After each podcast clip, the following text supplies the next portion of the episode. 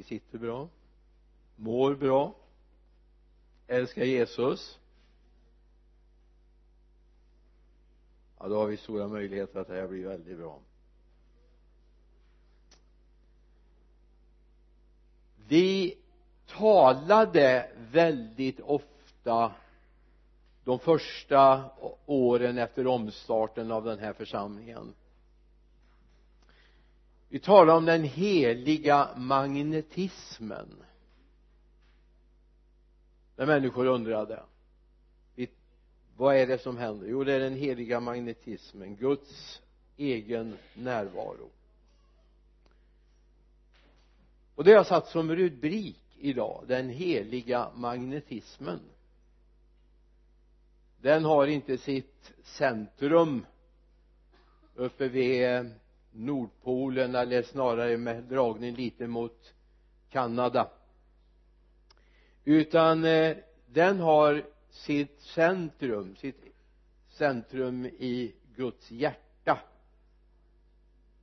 Och det är viktigt att vi inte missar Guds hjärta. Vi ska gå till en bibeltext i Lukas evangeliets nittonde kapitel. Verserna 1 till och med vers 10 Lukas 19 1 till och med 10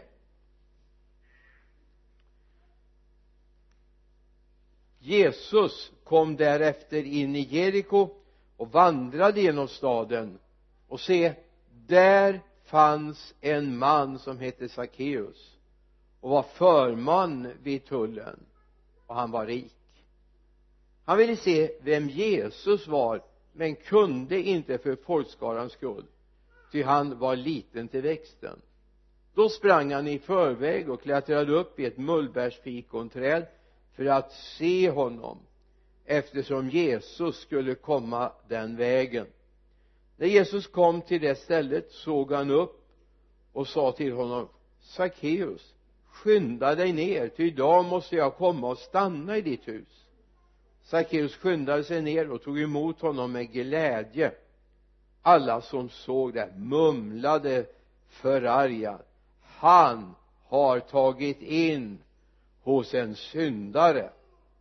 Men Sackeus stod där och sa till Herren Herre hälften av det jag äger det ger jag åt de fattiga. Om jag har bedragit någon ger jag honom fyra dubbelt tillbaka. Jesus sa till honom idag har frälsning kommit till denna familj eftersom också han är en Abrahams son. Ty människosonen har kommit för att uppsöka och frälsa det som var förlorat.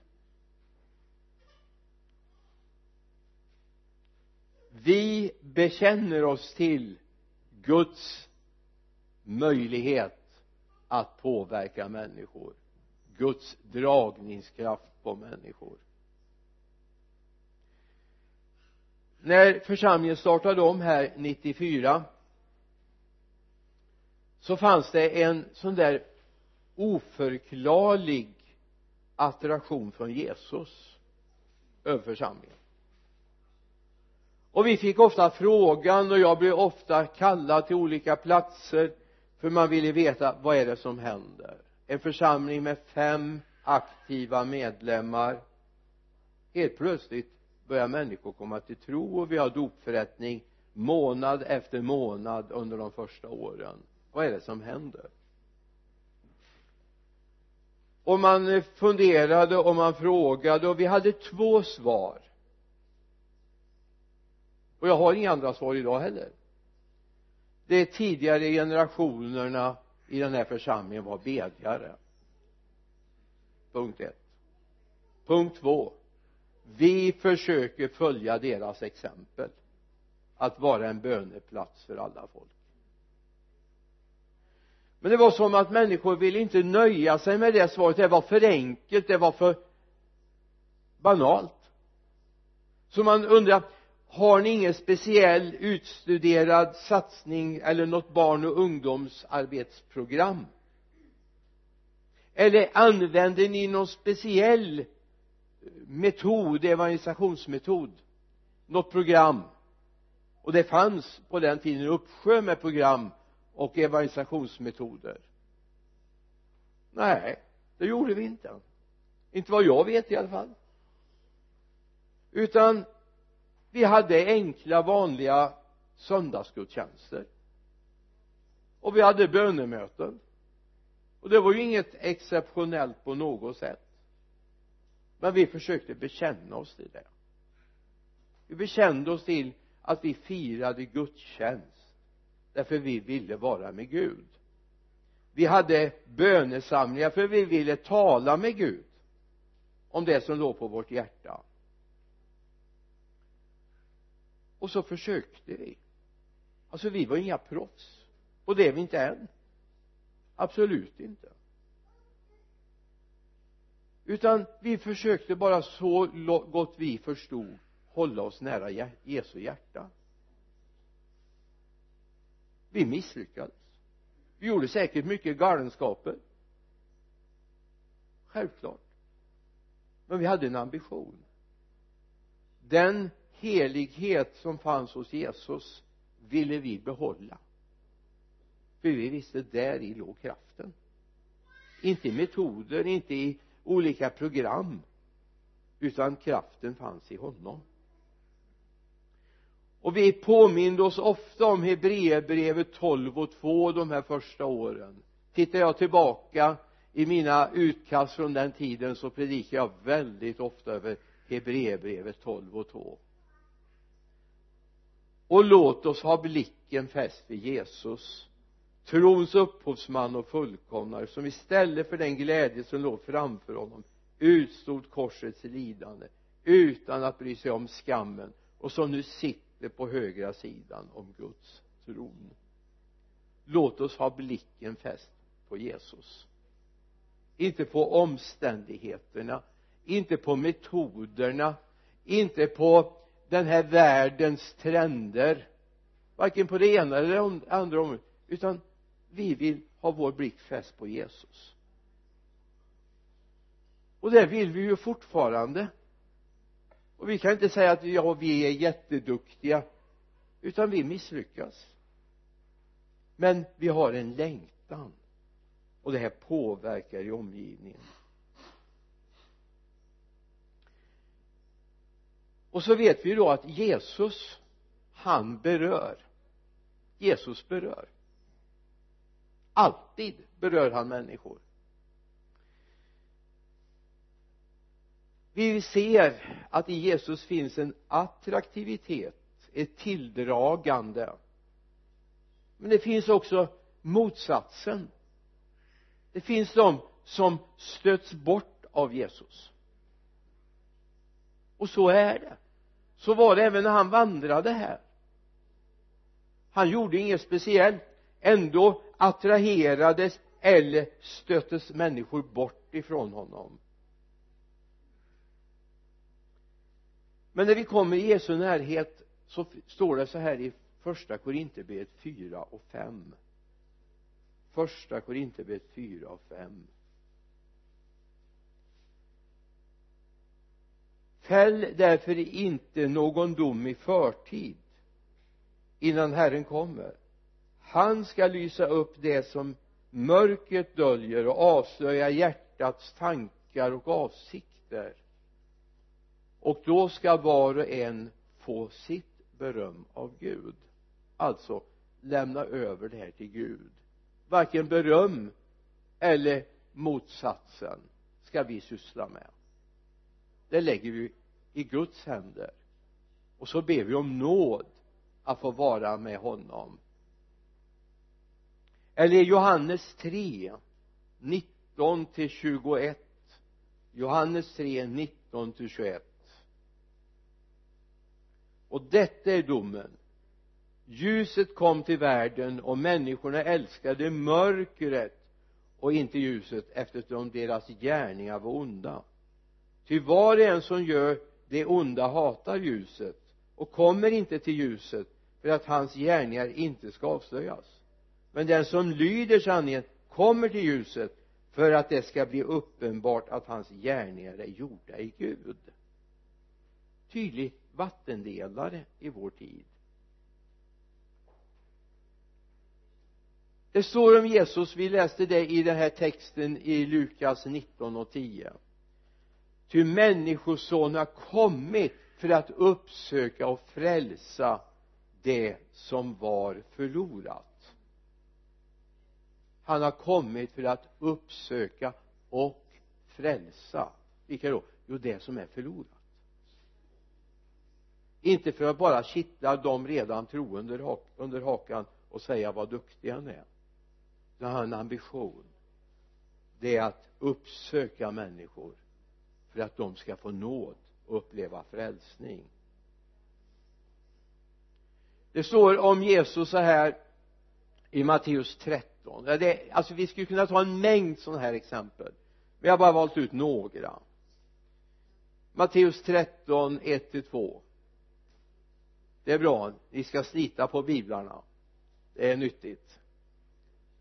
Samma dag gick Jesus hemifrån och satte sig vid sjön då samlades det så mycket folk hos honom att han steg i en båt och satt i den medan allt folket stod på stranden. Och så berättar han liknelsen. En såningsman gick ut för att så. Och en del föll där och annat där. Men det samlades så mycket folk står det i vers 2 hos honom att han steg i en båt och satt i den. Till och med står på en parallelltext att han sköt ut båten något från land varför då? Jo därför han hade inte annonserat kampanjen vid sjön. Han hade ingen klatschig rubrik i Jerusalem Post som inte hade börjat ges ut då än. Jag hade faktiskt Jerusalem Post för något år. Den engelska versionen ska sägas då för. Hebreiskan är väldigt svår. Så det är svårt att hänga med. De har ju inte samma bokstäver en gång men alltså det attraherar. Trots att han bara var han. Utan PR-kampanjer eller annonsering i någon tidning eller inte ens sociala medier. Utan bara han. Det samlades så mycket folk. Så han var tvungen att sätta sig i en båt och skjuta ut den lite granna från land så att han kunde tala till dem om vi går till Markus 3 och 20 då står det så här sedan kom Jesus hem. På nytt samlades så mycket folk att han och hans lärjungar inte ens hade tid att äta. Jesu attraktionskraft. Eller läser vi Lukas 8 det är vi, vi börjar inledningen, jag kommer hoppa lite grann för det är ett längre avsnitt. Men jag vill bara peka på några saker som är karaktäristiska med Jesus. Vi börjar vers 42 eh, verserna som jag kommer att eh, plocka ur är verserna 42 till vers 48 vi går till vers 42 han hade en enda dotter alltså den som kommer till Jesus som var 12 år och som låg för döden men Jesus gick då med och folkskaran trängde sig in på honom. Och så står det att där fanns en kvinna som hade lidit av blödningar i 12 år och som ingen hade kunnat bota. Och så står det att hon närmade sig Jesus och kommer vi till slutet av vers 45 så kommenterar de mästare folkskaran trycker och tränger sig in på dig. Alltså det var mycket folk runt Jesus och så skulle vi kunna fortsätta läsa. Alltså där han gick fram. Vi kan ta även när Jesus kommer till Jeriko vid ett tillfälle. Så är det en stor folkskara som följer honom när han går in i staden. Där en Bartimeus sitter och ropar mästare Davids son förbarmad över mig. Men vi har också exempel där människor stöts bort ifrån dem. Säger kom inte hit vad är du här för att göra?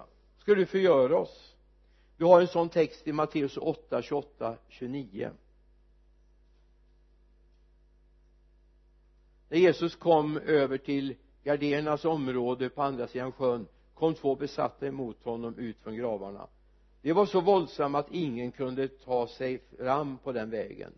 Nu skrek de vad har vi med dig att göra du Guds son? Har du kommit för att plåga oss i förtid? De vill ta avstånd och fundera lite grann. Vad är det i dem som tar avstånd? Jo mörkrets välde mörkrets välde stöts bort ifrån honom. Vi skulle kunna fortsätta läsa i Markus 3, 3-6 det är mannen med den förtvinade handen står de här. Och det var en stor skara även samlade där. Jag skulle kunna plocka text efter text och visa på att en del attraheras man av Jesus. Eller också störs man bort ifrån Jesus. Sen vi ska vi i ärlighetens namn säga och det ska vi vara så bottennära säga att ibland är det så här att det är vi som stöter bort människor från Jesus inte Jesus och det är viktigt att komma ihåg att varje gång människor blir irriterade på oss så är det inte eller och, och inte vill ha med Jesus att göra så beror det inte alltid på Jesus. Det kan bero på hans ambassadörer. De kan bära sig lite illa åt ibland. Och det är också viktigt att komma ihåg. Så att vi inte ser så fort människor studsar till och inte vill ha med Jesus att göra att det alltid har med Jesus att göra utan det beror på att de har inte presenterat honom så att de har sett honom på ett riktigt sätt. Och det, det är också viktigt att ha med oss. Men Jesus attraherar eller stöter bort. Alltid. Det finns ingen neutral plan när vi har med Jesus att göra. Man kan inte vara Jesus troende sådär lite granna då och då. Utan en del är jag helt köpt av honom. Eller också har jag vänt honom ryggen. Det finns inget mellanläge när det gäller Jesus. Det är också jobbigt ibland att tänka på. Vill vi vandra i ljuset? Och vill vi leva i Guds renhet och ljus? Så kommer vi att dras mot honom. Men lyssna. Har jag släppt in något av kompromiss av den här världens ande i mitt hjärta? Så kommer jag fly för Guds ljus. För jag vill inte bli avslöjad. Det är många som har vittnat om det som har varit på G mot Jesus va? Men så har de släppt in kompromiss de har släppt in den här världens ande och tänkande. Ja då blir det jobbigt när Jesus blir så där riktigt påtaglig. Och då vill jag blunda med hela mitt person. Alltså jag skulle egentligen vilja göra som när solen skiner riktigt starkt i ögonen. Jag skulle vilja helst göra så här va. Titta inte på mig. Det är också viktigt att komma ihåg vad är det som reagerar? Ja inte är det du i första hand men det du har släppt in reagerar. Det du har fyllt ditt hjärta med. Och jag har en bön. Det här är en parentes i predikan nu ska jag säga. Jag har en bön i mitt hjärta. Och det är att Guds ljus ska bli ännu starkare i vår gemenskap. För jag vill att hans magnetism ska bli ännu kraftigare. För det är så många människor som behöver Jesus. Det är så många människor i vår omgivning som är på väg att gå förlorade. Och vi kan inte låta bli och säga att vi kan leva sådär lagom. Jag säger inte att vi är ljumma på något sätt. Jag, jag hävdar inte det. Men vad jag hävdar är att Gud skulle behöva släppa på lite mer av sin kraft. Lite mer av sin härlighet lite mer av sitt ljus. För att människorna runt omkring oss ska bli berörda av Jesus. Så vandra i ljuset. Lev kompromisslöst med Jesus. Och du kommer att vinna människor du kommer vinna människor. Du kommer få människor som säger men det som har hänt med dig det måste hända med mig. Oavsett vad de har för någon bekännelse i botten så kommer de säga det här vill jag ha den här enheten. Tillbaka till Sackeus. Så över Sackeus liv skulle jag vilja sätta rubriken längtan vann. Längtan vann. Sackeus ville se Jesus. Alltså man kan ju fundera på vad är det som gjorde att Sackeus var så nyfiken? Har du reflekterat över det? I Lukas 5.15 står det men ryktet om Jesus spreds nu mer ännu mer och stora skaror samlas för att lyssna på honom och bli botade från sina sjukdomar. Hade han mötts, nåtts av ryktet? Eller var det en tidigare kollega som hade vittnat för honom? Jag vet inte om du har tänkt på det. Jag tänker på i vers 27-28 i Lukas 5 så möter vi eh, tullindrivaren Levi, Levi Matteus. Så står det så här i vers 27 när Jesus sedan gick ut såg han en publikan som hette Levi sitta vid tullhuset. Han sa till honom följ mig. Då lämnade Levi allt och steg upp och följde honom. Kan det vara så att kollegan Levi Matteus hade vittnat för sin forna kollega Sackeus och sagt du vet Jesus måste du kolla in. Han är bra. Ja vi vet ju inte egentligen men någonstans hade han mött ryktet. Han hade mött budskapet om vem Jesus var. Det här skapade en längtan hos eh, Sackeus jag måste få se Jesus. Nu var det ju så här att det står att i texten att han var liten till växten. Alltså han var ju inte ens i medelhöjd. Vi vet ju inte liten vad det innebar men han var inte i medelhöjd i alla fall. Så att han kunde ju inte liksom tänka så här att ja, ja men jag tar en liten sväng ut på torget för kanske Jesus kommer och går förbi. Där kan jag kolla in lite grann vem han är. Det räckte inte för Sackeus. För förmodligen han visste också att det var mycket folk som följde med Jesus så han visste att Jesus gick liksom mitt i den där folkhopen. Så att om jag bara går där på trottoaren eller på torget och så kollar in nej det blir inte bra. Så han funderade ut ett väldigt bra ett klättervänligt träd som heter sykomor.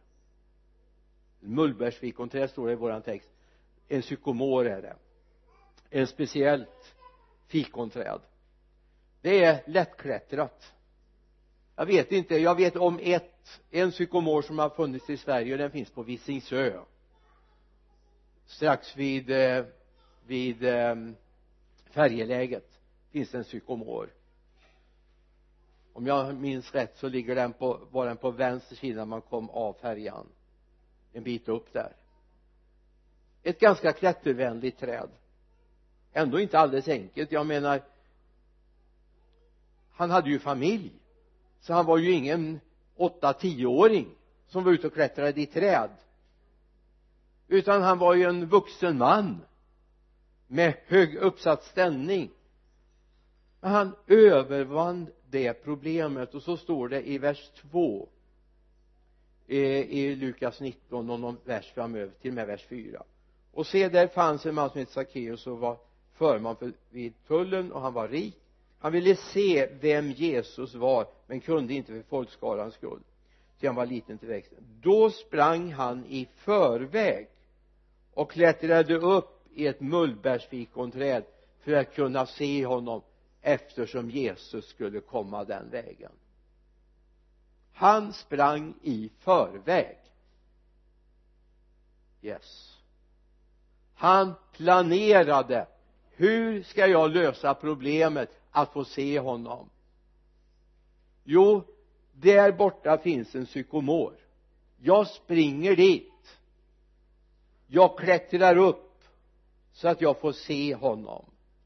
Alltså det här säger mig att det fanns en längtan som var mer än bara en sån här allmän nyfikenhet. Det fanns en längtan att verkligen få se Jesus. Att verkligen få se vem han var. Kanske till och med får bli tilltalad. Jag tror inte det var bara en allmän nyfikenhet det fanns en längtan. Och längtan drev honom att göra det okonventionella för att få möta honom. Nu minns jag inte hur långt det är mellan öst och västkust i, i USA men det kanske är någon som kan. Det var en mötesserie i Florida och så långt jag förstår så ligger det på östkusten höll sig nästan med kust runt omkring. Fanns en familj som hade hört om Jesus och så hade de sett på tv att det gick en möte, det var möten borta i Florida. De bodde på gränsen till Kalifornien. De tar bilen, de reser över kontinenten för att komma till mötet problemet var att de kom, det var Catherine Kuhlman som hade de här mötena. En del har hört talas om henne. Alltså jag kan ha synpunkter på det men vi släpper dem just nu. De kommer till mötet, de kommer fram lite sent insläppet har varit. De eh, blir hänvisade att få komma tillbaka till nästa samling som var om två dagar. De tar in på ett hotell, de väntar till det och sen står de där två timmar innan och det var nästan gränsfall att de skulle komma in. Men de hade sån längtan inte att få se Katrin Kuhlman utan få höra och uppleva det som berättades ifrån de här mötena. Alltså ibland kan längtan bli så stark att jag verkligen vill ha Jesus. Jag visste att när jag sa ja på Guds kallelse att mitt liv skulle förändras. Jag som hade hållit på i hela min tonårstid att planera för vad jag skulle göra med mitt liv hade valt utbildningar hade gått utbildningar hade haft kontakt med arbetsgivare det var ju väldigt enkelt på 60-talet att bli anställd. Hade skrivit kontrakt och så kom Gud. Och jag insåg att säger jag ja till Gud så kommer han vända upp och ner på hela min tillvaro. För jag visste ju vad Gud hade talat till mig i barndomen om. Alltså längtan att få vara med Gud kan bli så stark som man ändrar på hela sin livssituation. Längtan att få vara med honom. Här var det längtan att få se honom som förde Sackeus bort i sykomoren i mullbärsfikonträdet för han ville se. Och han fick mer än det. Därför hans längtan hade drivit honom. När jag växte upp så påverkades jag väldigt mycket av att människorna hade tagit som fanns runt omkring hade tagit Jesus på allvar och de skulle kunna sagt även om inte de var utsatta för samma tryck som Petrus och Johannes som du läser om i Apostlagärningarna 4 och 20 då säger de så här när de säger att de får inte vittna i Jesu namn de får inte undervisa i hans namn. Och säger vi för vår del kan inte tiga med vad vi har sett och hört. Vi kan inte tiga vi måste få berätta vad Jesus har gjort och det här präglade mycket av mitt liv. Det fanns i mötena det fanns i i bibelkvällarna det fanns i bönesamlingarna det fanns på tältmötesserien det fanns på lägren där jag växte upp. Vi måste berätta om vad Jesus har gjort för vi har sett det. Vi har hört det och vi kan inte tiga med det. Och man skulle kunna säga också om dem precis som det står om de här första lärjungarna så kände man igen dem för de hade varit med Jesus. Kännetecknet fanns där. De har varit tillsammans med Jesus. Och då kommer frågan till mig var finns din längtan? Hur skulle du resonerat om du hade varit Sackeus tryggt jobb bra inkomst en god ställning visserligen inte bland alla grannar men en god ställning i samhället du var på just för ögonblicket den segrande sidan. Ockupationsmakten. Och du hade garanti om det skulle bränna till så kunde du få resa till Rom och få en bra bostad där. Det var de förutsättningar de hade de som lejde sig åt det här. Man tog hand om de som hade tjänat ockupationsmakten. Vad skulle du göra? Skulle du sätta det på spel? Skulle du sätta det på spel för att längtan efter att följa Jesus är så mycket större? Har du hört ryktena? Har du hört upplevelserna? Har du hört vänner och bekanta som har blivit berörda av Jesus? Har du det? Hur mycket får Jesus kosta? Jag menar en vuxen man. Jag menar hade det nu varit någon av de här som sitter här som varit ute och, och klättrat i ett träd så hade vi inte lyft på ögonbrynet, eller hur? Möjligtvis Debbie, det hade väl varit lite ovanligt om hon hade klättrat i trä men för övrigt vuxna män. Vad hade ni tänkt om Ronny eller Samuel har varit uppe och hängt i träden. Ja Samuel kanske. Fortfarande hänger i knävecken i grenarna. Alltså det här var en man med en aktad ställning i staden. Lite av en myndighetsperson. Ja han var verkligen en myndighetsperson för han var till och med förman för publikanerna. Han hade kommit upp sig. Men längtan att få möta Jesus var så mycket större. Så mycket större. Men hur är det med dig och mig? Vad får Jesus kosta? Han planerade för mötet. Alltså jag, jag vet alldeles för många av oss vi tänker så här ja men det får bli som det blir.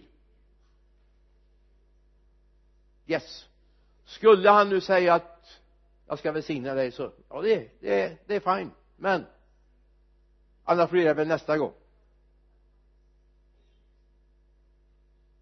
Han sprang i förväg klättrade upp i ett mullbärsfikonträd för att kunna se Jesus. Alltså i den bibeltexten ligger så oerhört mycket. Vi kommer att röra vid det i eftermiddag i Lidköping lite grann om längtan att söka Herren. Längtan att bli berörd. Längtan att få känna att Gud är där. Det kostar lite grann men det är värt det. Visst kan Gud möta mig sådär apropå bara. Han bara korsar min väg men ska det gå på djupet så måste längtan få styra mig. Jag måste våga ge upp för att få det. För att bli uppfylld av honom. Tänk på en annan sak. Längtan överträffade också hans stolthet. Utan att veta det så hävdar jag att hade det varit tre veckor tidigare så hade han inte klättrat upp i något mullbärsfikonträd då hade han varit rädd om ställningen. Jag kommer att tänka på en liten anekdot. Det var en man som träffade en predikant som hette C.G. Hjelm han var officer general i svenska armén. Och Sigge Hjelm var som han var. Han sa det du behöver möta Jesus. Så du ska komma på mötet jag har på frälsningsarmén här det var i Stockholm. Kommer inte ihåg vilken av kårerna. Du ska komma på mötet ikväll. Och då säger den här mannen men jag måste ju tänka på min ställning då tittade Sigrid på honom och sa du, du käre vän kom ner från ställningen innan du trillar ner. Alltså han till och med hans längtan tog till och med bort rädslan för att förlora i stolthet. I en sån här stad som inte är större än den här i ett mindre samhälle så finns det en social kontroll. Den ska vi be att attraktionen från Jesus blir ännu starkare. Ännu starkare. Så att till och med även om du finns och du finns och figurerar i i dagstidningen varje dag och alla vet vem du är så ska ändå längtan bli starkare. Så att du till och med kan sitta bland Guds enkla vandringsmän. Så att du vågar avstå. Där har vi ju ett underbart exempel i Mose. Han valde bort faraos härlighet för att vara med Guds folk. Och så fick han en fantastisk uppgift. Får jag vara sådär riktigt personlig gentemot dig? När det blir inbjudan till förbön. Jag vet många har lätt för att komma fram men du som aldrig går fram. Vad är det som håller dig tillbaka? För jag kan inte tro att vi alla har det så bra varje dag året om, år ut och år in. Så att vi inte skulle behöva hjälp av syskon i förbön jag är övertygad om att alla behöver det. Jag säger inte varje gång alltid men visst behöver vi det lite nu och då. Visst. Och jag på att säga det kanske är bättre att gå fram en gång för mycket än en gång för lite. Jag är ganska övertygad om det. Det är väl inte människofruktan? Eller nej men det, det får lösas på annat sätt. Ja Gud kan göra det. Gud kan göra det. Gud kan göra det men ibland är det så att Gud vill också att vi ska bryta i vår stolthet. Gud vill det. Det gjorde Sackeus. Han klättrade upp trots att han var förman för publikanerna. Han var lejd av romarna att tjäna i staden Jeriko som var en betydande handelsstad på den tiden. Så ändå så ändå gjorde han det. Det fick kosta det priset.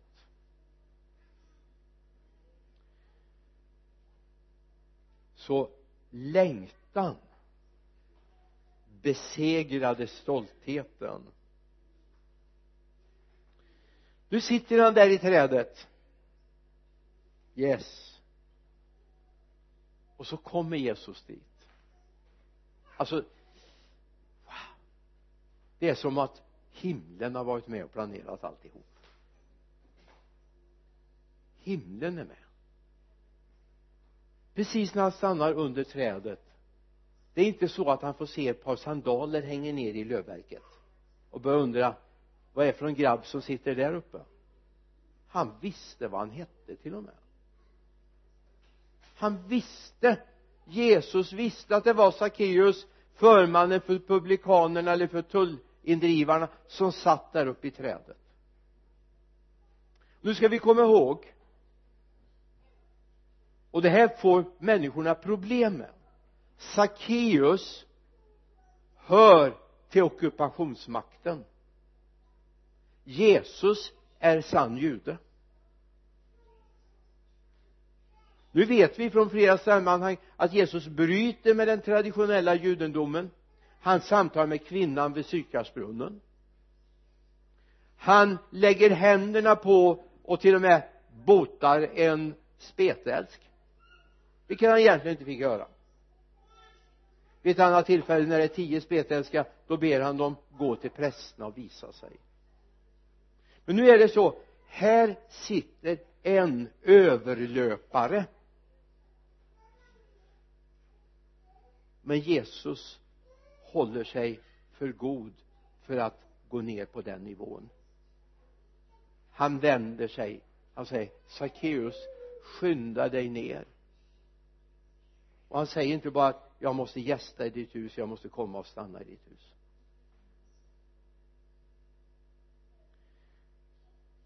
Sackeus utstött fick inte vara med på festerna i staden.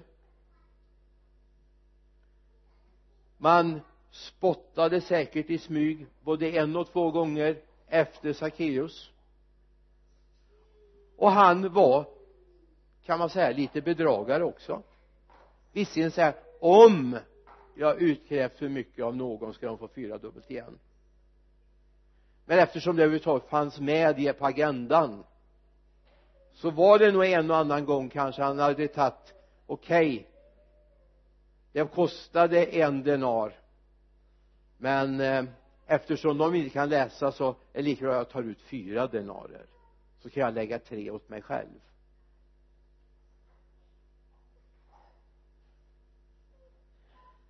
Då ska jag få fyra dubbelt igen. Så han var säkert rik. Det står ju till och med i texten.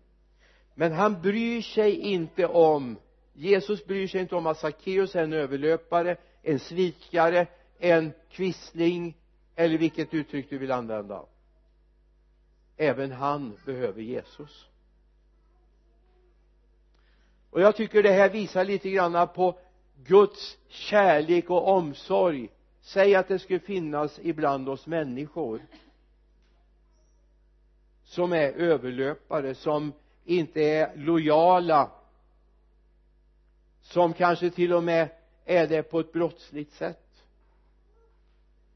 tänk att till och med utanför vid en sån kan Jesus stanna och säga jag behöver få gästa i ditt hus för jag ska stanna där. Jag ska stanna där hos dig. Jag ska förändra din livssituation. Så Jesus kallar på en där längtan hade överträffat problemen. Där längtan hade överträffat eh, stoltheten. Där finns han. Han vill flytta in hos Sackeus nu kan vi tycka att det här är lite undligt. I det hebreiska språkbruket är det inte alls så undligt. Jag vill göra avtryck hos dig. Jag vill göra avtryck hos dig. Det var inte så att han kom med sin eh, hoprullade liggunderlag och sovsäck och tänkte bo där men jag vill sätta avtryck i det här hemmet. Det ska märkas att jag har varit här för jag är i er sen efteråt. Så när han flyttar in trots omgivningens alltså vad är Jesus för någon? Nu börjar han bekymra sig för ockupationsmakten de här som har varit över okej okay, att han håller på med de romerska soldaterna officerarna det är en sak. Men nu är det en av våra som har gått över på deras sida. Men Jesus är inte sån. Han har inte det tankemönstret. Utan han säger Sackeus skynda dig för jag måste få bo i ditt hus. Eller stanna i ditt hus. I din familj i oikos står det där. I din familj jag måste få stanna hos dig och förändra din situation. Och sen så läser vi i vers 8 och 9 i Lukas 19 men Sackeus stod där och sa till Herren Herre hälften av det jag äger ger jag åt de fattiga. Om jag har bedragit någon ger jag honom fyra dubbelt tillbaka. Jesus sa till honom idag har frälsning kommit till denna familj eftersom också han är en Abrahams son. Frälsning har kommit till denna familj. Skulle jag vilja att du hanterar den här frågan vad gör du med Jesus? Hur viktig är Jesus för dig?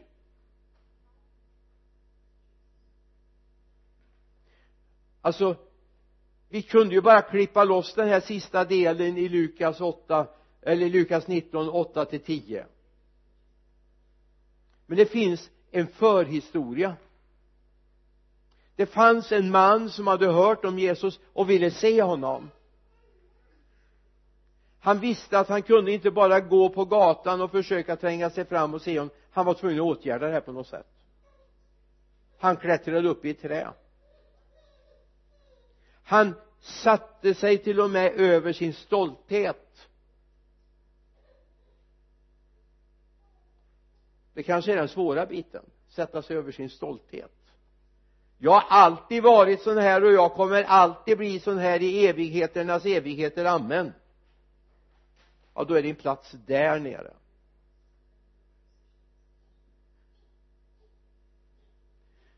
Eller också säger du Jesus jag vill leva i förändring. Jag vill bli förändrad i mitt inre, mitt tänkande. Förlåt hatet som finns där. Jag behöver bli förändrad. En liten fråga som du kan få ta med dig. Jag tänker inte svara på den. Jag har mitt svar men du får ha ditt svar. Hur tror du situationen såg ut i Jeriko? När eh, Sackeus delade ut hälften av det han ägde till alla de fattiga. Och när han kommer och säger du jag har betalat lite eller du har betalat för mycket i tull jag lurade dig. Här får du fyra dubbelt tillbaka. Jag tror stämningen förändrades i Jeriko. Jag skulle vara ganska övertygad om att stämningen förändrades. Kan det vara så att det finns någonting i ditt hjärta som behöver förändras? Då vet jag en som kan och det är Jesus. Amen. Herre låt det här få bäddas ner i våra liv. Förlåt oss att inte hängivenheten och längtan har varit större att få tränga oss fram till dig Jesus förlåt att vi har satt gränser för vad du får åstadkomma i våra liv. Herre förlåt oss att vi inte vill förändra men vi vill flyta med. Herre jag tackar dig för den förändring som Sackeus fick uppleva. Tackar dig för att den var längtan att få se dig herre var så stark. Och tack herre för att du mötte honom där han fick komma ner och du fick flytta in. Herre du ser om det är någon här som ska både få komma ner och där du ska flytta in och där hemmet ska förändras. Inte bara temporärt utan för all framtid. Jag tackar dig för det. I Jesu namn. Amen. Amen.